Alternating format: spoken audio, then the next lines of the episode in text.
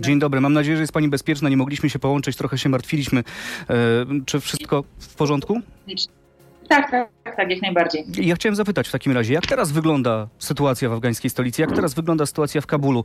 No, są takie informacje, że, że być może talibowie już zaczynają zyskiwać kontrolę nad lotniskiem, w którym dzieją się no, przerażające sceny w tym momencie. Czy to prawda? Czy to lotnisko jest ich pod ich kontrolą?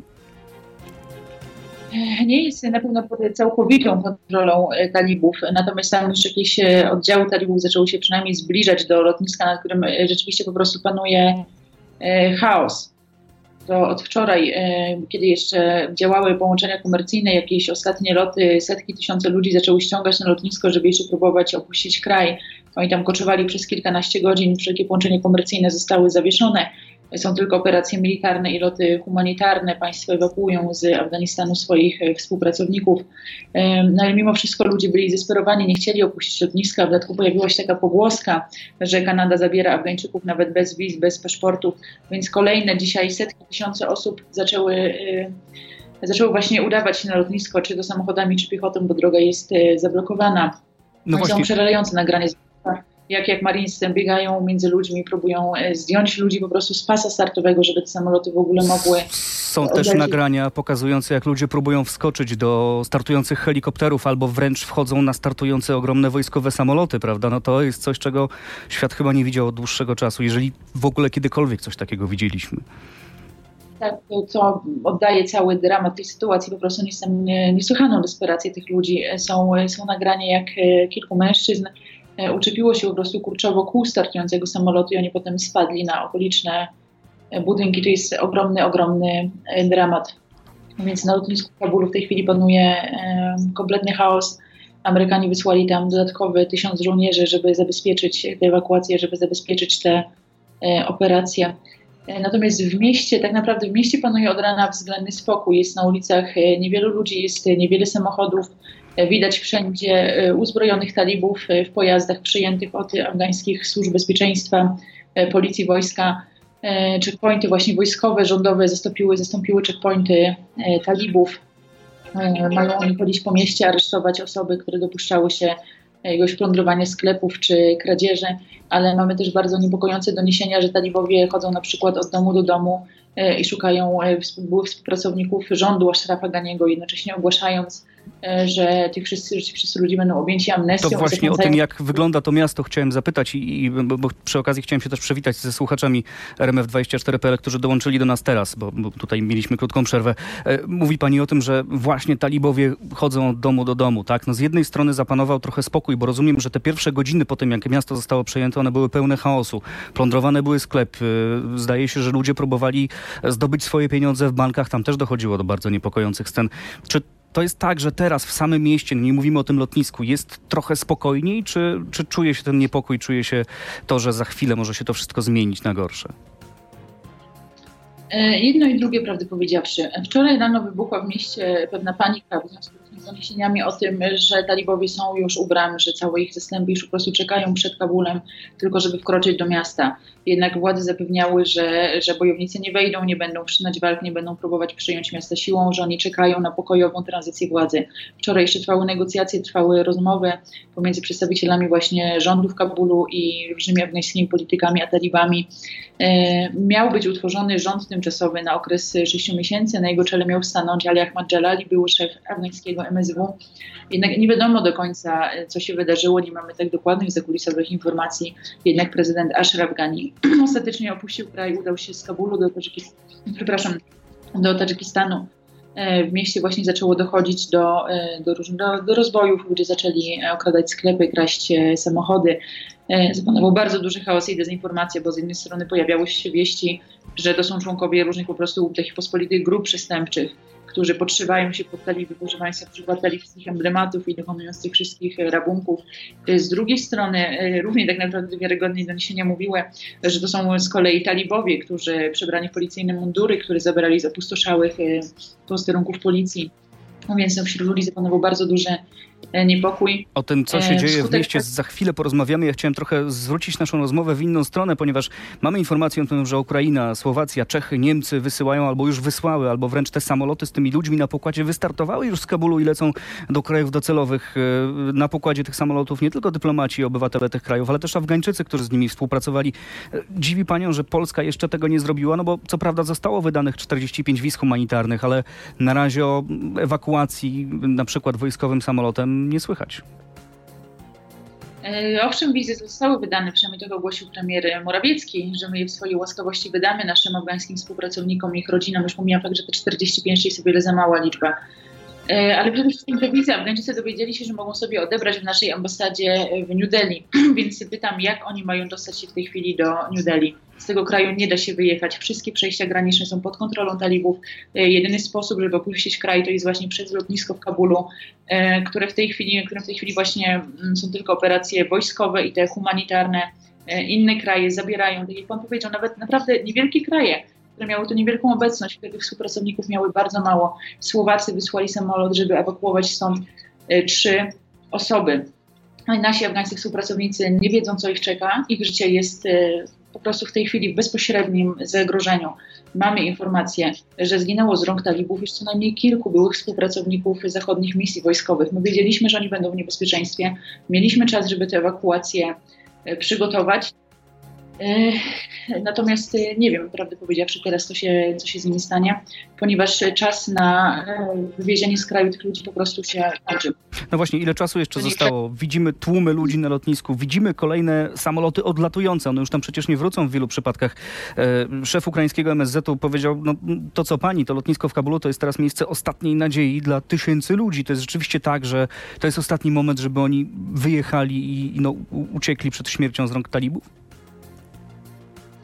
E, myślę, że to jest e, bardzo możliwe, ponieważ no, Amerykanie będą e, ochraniać to lotnisko, Amerykanie będą je zabezpieczać, dopóki nie skończą ewakuacji swoich obywateli, swojego personelu, swoich współpracowników. No, są jeszcze inne kraje NATO, kiedy po tym kontrolę nad lotniskiem, co się wydaje wielce prawdopodobne, bo początkowo miała to robić Turcja, takie było założenie, że Turcja jako członek NATO będzie ochraniać lotnisko Ashera Paganiego. Jednak na ten moment wydaje się, że kontrolę nad lotniskiem przejmą po prostu talibowie no, nie wiemy, czy talibowie pozwolą nam wtedy wylądować, żebyśmy ewakuowali stąd y, współpracowników, którzy, oni uważają za zdrajców, więc to może być nasze ostatnie kilka, kilkanaście godzin, żeby w bezpieczne miejsce do Polski zabrać dziesiątki ludzi wraz z ich rodzinami, których życie jest teraz w śmiertelnym niebezpieczeństwie. Dlaczego polski rząd nie reaguje? Dlaczego nie ma żadnego planu ewakuacji? E, dlaczego poza tą deklaracją premiera o 45 wizach ani MSZ, ani Ministerstwo Obrony nie chcą w ogóle odpowiadać dziennikarzom. No, MSZ mówi, że, że nie chcemy mówić o tych planach, bo nie chcemy ich narażać, tych planów. Tak, tak zdaje się wiceminister Paweł Jabłoński dzisiaj powiedział, że mamy jakieś plany, ale nie będziemy o nich mówić, bo nie chcemy, żeby one się nie udały. Nie chcemy, żeby te plany nasze zawiodły. E, to jest oczywiście dla mnie jak najbardziej zrozumiałe. Ja bym się zdziwiła, gdyby oni się dzielili e, publicznie szczegółowymi planami dotyczącymi ewakuacji. Natomiast jesteśmy tutaj w kontakcie jakby grupą osób, e, które, e, które zajmują się, jakby starają się jakoś dokonać tej ewakuacji, czasami przekonać rząd do tej ewakuacji. E, I no nie wiem, ja ze swojej strony z żadnych źródeł o żadnych tego rodzaju planach nie słyszałam. Z moich informacji wynika, że nie ma w tej chwili widoków na żaden transport lotniczy, że takie plany nie istnieją. Więc jeśli MSZ rzeczywiście je ukrywa, to ukrywa je naprawdę bardzo skutecznie, bardzo głęboko. Y, do MSZ-u kwestii za chwilkę jeszcze wrócimy. Ja chciałem zapytać o takie obrazki, które zapadają w pamięć. Talibowie po zdobyciu Pałacu Prezydenckiego recytowali tam Koran, zapowiadali e, wprowadzenie prawa szariatu. Co teraz czeka Afgańczyków? A może właściwie bardziej precyzyjnie, co czeka afgańskie kobiety? Przez ostatnie 20 lat miały dostęp do szkół, uniwersytetów, e, pracy. Czy teraz to się wszystko skończy? Talibowie oczywiście deklarują, e, odkąd zaczęli w ogóle negocjacje z Amerykanami na temat tych e, wycofania, że oni się zmienili, że oni odrobili te lekcje, tak, że pamiętam, e, po, pozwoli pani, że przerwę, pamiętam rzecznika talibów wczoraj w BBC mówił, że kobiety będą mogły pracować, uczyć się, o ile będą zakrywać twarz. Ludzie w Afganistanie wierzą w te, w te zapewnienia? Nie. Nie, ludzie w to nie wierzą, Afganki absolutnie w to nie wierzą, bo po prostu już dzieje się zupełnie inaczej w tych prowincjach, które wcześniej opanowali talibowie mieszkańcy relacjonują, że w wielu dystryktach na przykład kobietom zabroniono wychodzić z domów bez męskiego opiekuna, że kobiety wygnano z ich biur, z miejsc, gdzie pracowały, zabroniono im tam wracać, zabroniono im przychodzić do pracy. Talibowie zabronili studentkom w Heracie przychodzić na uniwersytet. Tam kobiety stanowiły ponad połowę student, studentek tego uniwersytetu. E, oni oczywiście zapytani o to oficjalnie e, cały czas się od tego e, odżegnują, twierdząc, że to, że to, że to jest rządowa propaganda, że to są absolutnie nieprawdziwe doniesienia. No jednak relacje mieszkańców, którzy są w tych miejscach i którzy się tutaj kontaktują z nami za pomocą różnych mediów społecznościowych czy telefonów i relacje tych mieszkańców, którzy uciekli po prostu z tych opanowanych przez talibów prowincji, którzy w ostatnich dniach tysiącami dotarli do Kabulu, no nie pozostawiają najmniejszej wątpliwości, co czeka kobiety pod nowym talibskim reżimem. W, w, w, Kabulu też chyba widać, no zapadł mi w pamięć taki obrazek, kolejny zresztą, mężczyzny zamalowującego no, dużą twarz kobiety na jakimś salonie kosmetycznym czy, czy, czy, czy na jakimś butiku. No trudno powiedzieć, co to było za miejsce, ale w każdym razie była odkryta twarz kobiety, ona była zamalowana białą farbą, żeby jej nie było widać. Czy to widać na ulicach Kabulu częściej, czy no po prostu, no, czy ta obecność talibów jest widoczna, może niekoniecznie przez samą ich obecność fizyczną, ale przez reakcję ludzi na to, którzy na przykład nie chcą wychodzić na ulicę albo już zmieniają swój ubiór? To zdecydowanie tak, zdecydowanie tak. Myślę, że kobiety będą teraz y, bardzo się obawiały jakiegokolwiek wyjścia na ulicę. No, na ulicach nie widać kobiet. Oczywiście nie jest też tak, że do wczoraj y, kobiety tłumnie chodziły po Kabulu, bo było ich zdecydowanie mniej niż mężczyzn. Natomiast teraz nie widać, żeby one wychodziły, żeby one wychodziły w ogóle. Na pewno będą bały się wychodzić bez, y, bez zasłoniętej twarzy co wcześniej w Kabulu zupełnie nie było popularne. Naprawdę bardzo nieliczne kobiety nosiły burkę i zresztą często były to, e, były to żebraczki. E, kobiety raczej nosiły po prostu e, hijab. Widać już zmiany w mediach. Nie widziałam od rana w żadnym afgańskim medium, żadnej telewizji, ani jednej na przykład kobiecej prezenterki. Nie słyszałam też za bardzo, żeby gdziekolwiek puszczano muzykę. Muzyka też jest talibą, talibą solą w oku. Więc tak jak mówię, mimo tego, że oni zapewniają o bardzo różnych rzeczach, właśnie o prawach kobiet, o amnestii dla poszczególnych grup, jak współpracownicy naszych misji, czy rządu, czy wojskowych. E, no, w zderzeniu z rzeczywistością e, mamy liczne, bardzo wiarygodne, dobrze udokumentowane raporty, że wygląda to zupełnie inaczej. Mieszkańcy nie dają wiary tym zapewnieniom. I to jest chyba najgorsze, że istnieje bardzo duży rozdźwięk między tą oficjalną narracją, a tym, co się dzieje, że nikt tak naprawdę nie wie, co może się wydarzyć.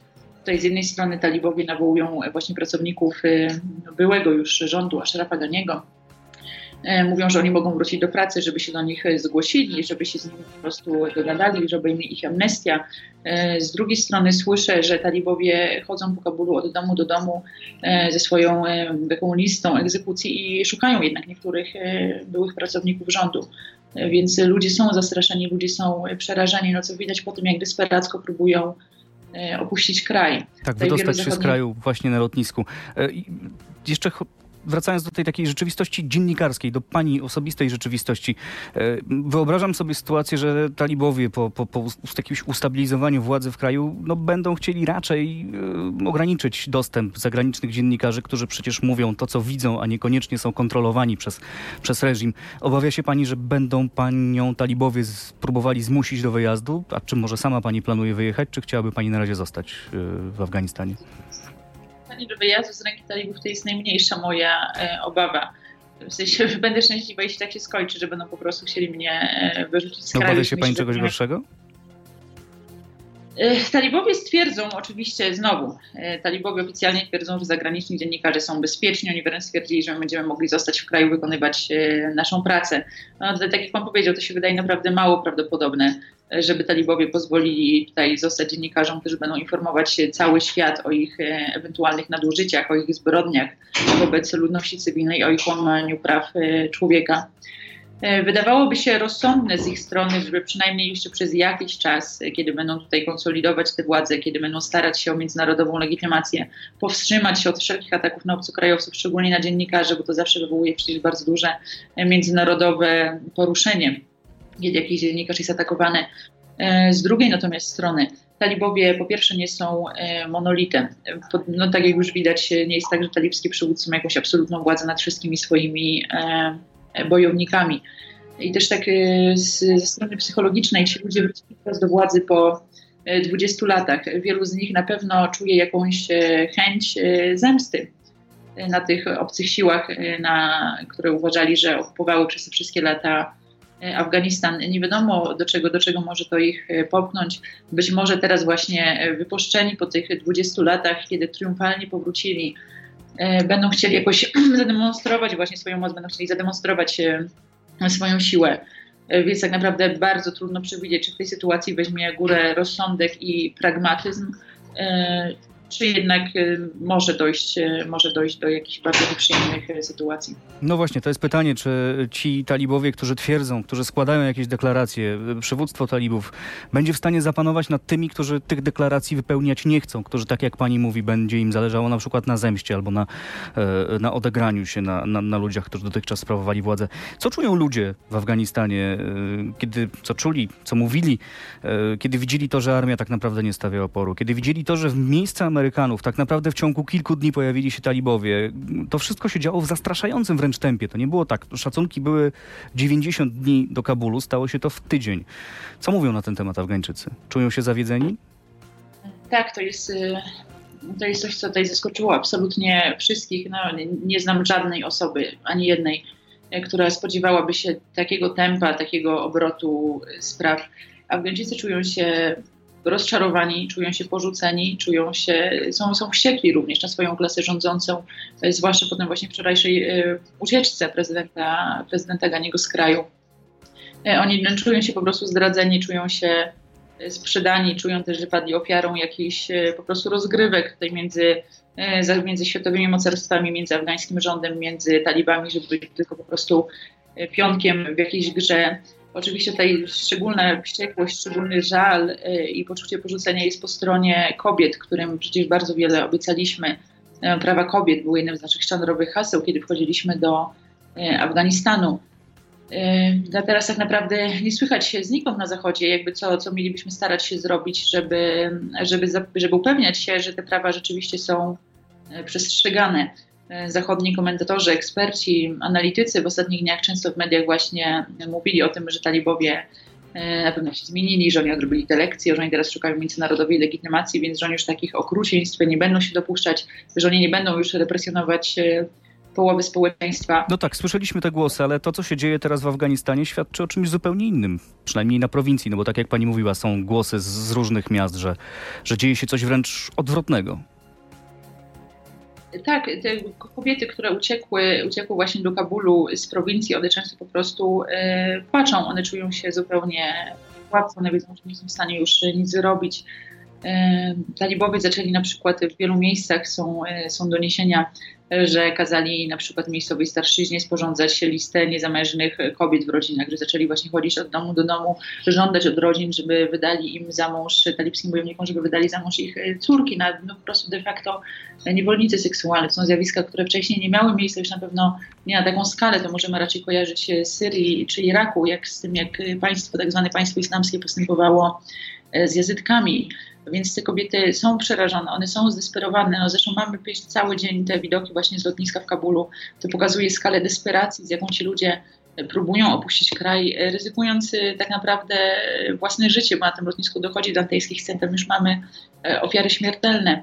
E, naprawdę nikt, ludzie po pierwsze nie chcą uciekać ze swoich domów, jeśli nie mają, jeśli nie mają powodu, no ale nikt już na pewno nie próbuje uciekać w tak desperacki sposób, jeśli nie czuje się rzeczywiście zagrożony. Przerażające sceny i no, przerażające tempo, w jakim do tego wszystkiego dochodzi. A jeszcze chciałem zapytać, mówimy cały czas o ludziach, którzy są przerażeni, którzy próbują uciec z tego kraju, często, tak jak pani powiedziała, ryzykując własne życie i ginąc przy tym niestety. A czy słychać wśród Afgańczyków głosy takie popierające talibów, mówiące okej, okay, teraz w końcu będzie dobrze. W ogóle przebijają się takie głosy gdzieś na ulicy, w komentarzach, czy, czy, czy raczej ich nie ma? No, social media to jest oczywiście bardzo specyficzna bańka, e, więc, więc tam raczej takie głosy się nie pojawiają. Natomiast e, no, skłamałabym, gdybym powiedziała, że nie słyszałam nigdy od Afgańczyka, że być może lepiej będzie za talibów. E, może nawet nie w Kabulu, bo tutaj też mamy, wiadomo, podziały etniczne. Talibowie to należą do grupy etnicznej Pasztunów, zdecydowana większość talibów to Pasztunowie. E, kiedy przed e, dwoma, trzema tygodniami byłam w Kandaharze, rozmawiałam, który jest takim talibskim właśnie matecznikiem, tam ten ruch się zawiązał, to była pierwsza stolica talibów. E, owszem, rozmawiałam z osobami, które powiedziałam, może nie tyle popierały talibów. Nie jest tak, że one czuły jakieś poparcie dla tej talibskiej ideologii, one same wyrażały wątpliwość dla bardzo wielu właśnie, dla bardzo wielu poczynań talibów, dla bardzo wielu opinii, które oni wyrażają. Z ich strony to była bardziej niechęć wobec rządu, rozczarowanie rządem, który jest no, powszechnie uważany w Afganistanie, w zasadzie już był, mówimy już o czasie przeszłym, za bardzo nieudolny, za skorumpowany ludzie postrzegali swoje elity polityczne jako kompletnie oderwane od problemów zwykłych Afgańczyków. Bardzo często wytykano im, że większość takich czołowych afgańskich polityków ma na przykład podwójne obywatelstwo, że często ich rodziny, jak synowie prezydenta Ganiego, żyją za granicą. Ludzie mówili po prostu, jak, jak mam oczekiwać od tych ludzi, że im naprawdę zależy na tym kraju, że im zależy na poprawie sytuacji, kiedy ich rodziny nawet tu nie mieszkają, oni sami mogą e, w każdej chwili wyjechać. E, Plus tak, więc ten rząd jakby był toczony już od dawna głębokim bardzo kryzysem e, legitymacji. On w wielu miejscach był bardzo nieudolny. Korupcja istniała na każdym absolutnie szczeblu rządowi administracji, od najniższych do najwyższych. Więc no, niektórzy rzeczywiście byli w takiej e, sytuacji życiowej, też e, w zależności od tego, jakby gdzie mieszkali, jaki był ich status społeczny, majątkowy, E, że mówili, że, że, że okej, okay, może rzeczywiście jak przyjdą talibowie, oni będą bardziej, bardziej sprawiedliwi niż po prostu ci skorumpowani warlordzi. Ten kryzys, o którym y, mówimy, no trwa, niestety rozwija się w bardzo złym kierunku. E, Jagoda Grądecka była moim i Państwa gościem, dziennikarka mieszkająca w, w Kabulu. Dziękuję serdecznie za rozmowę.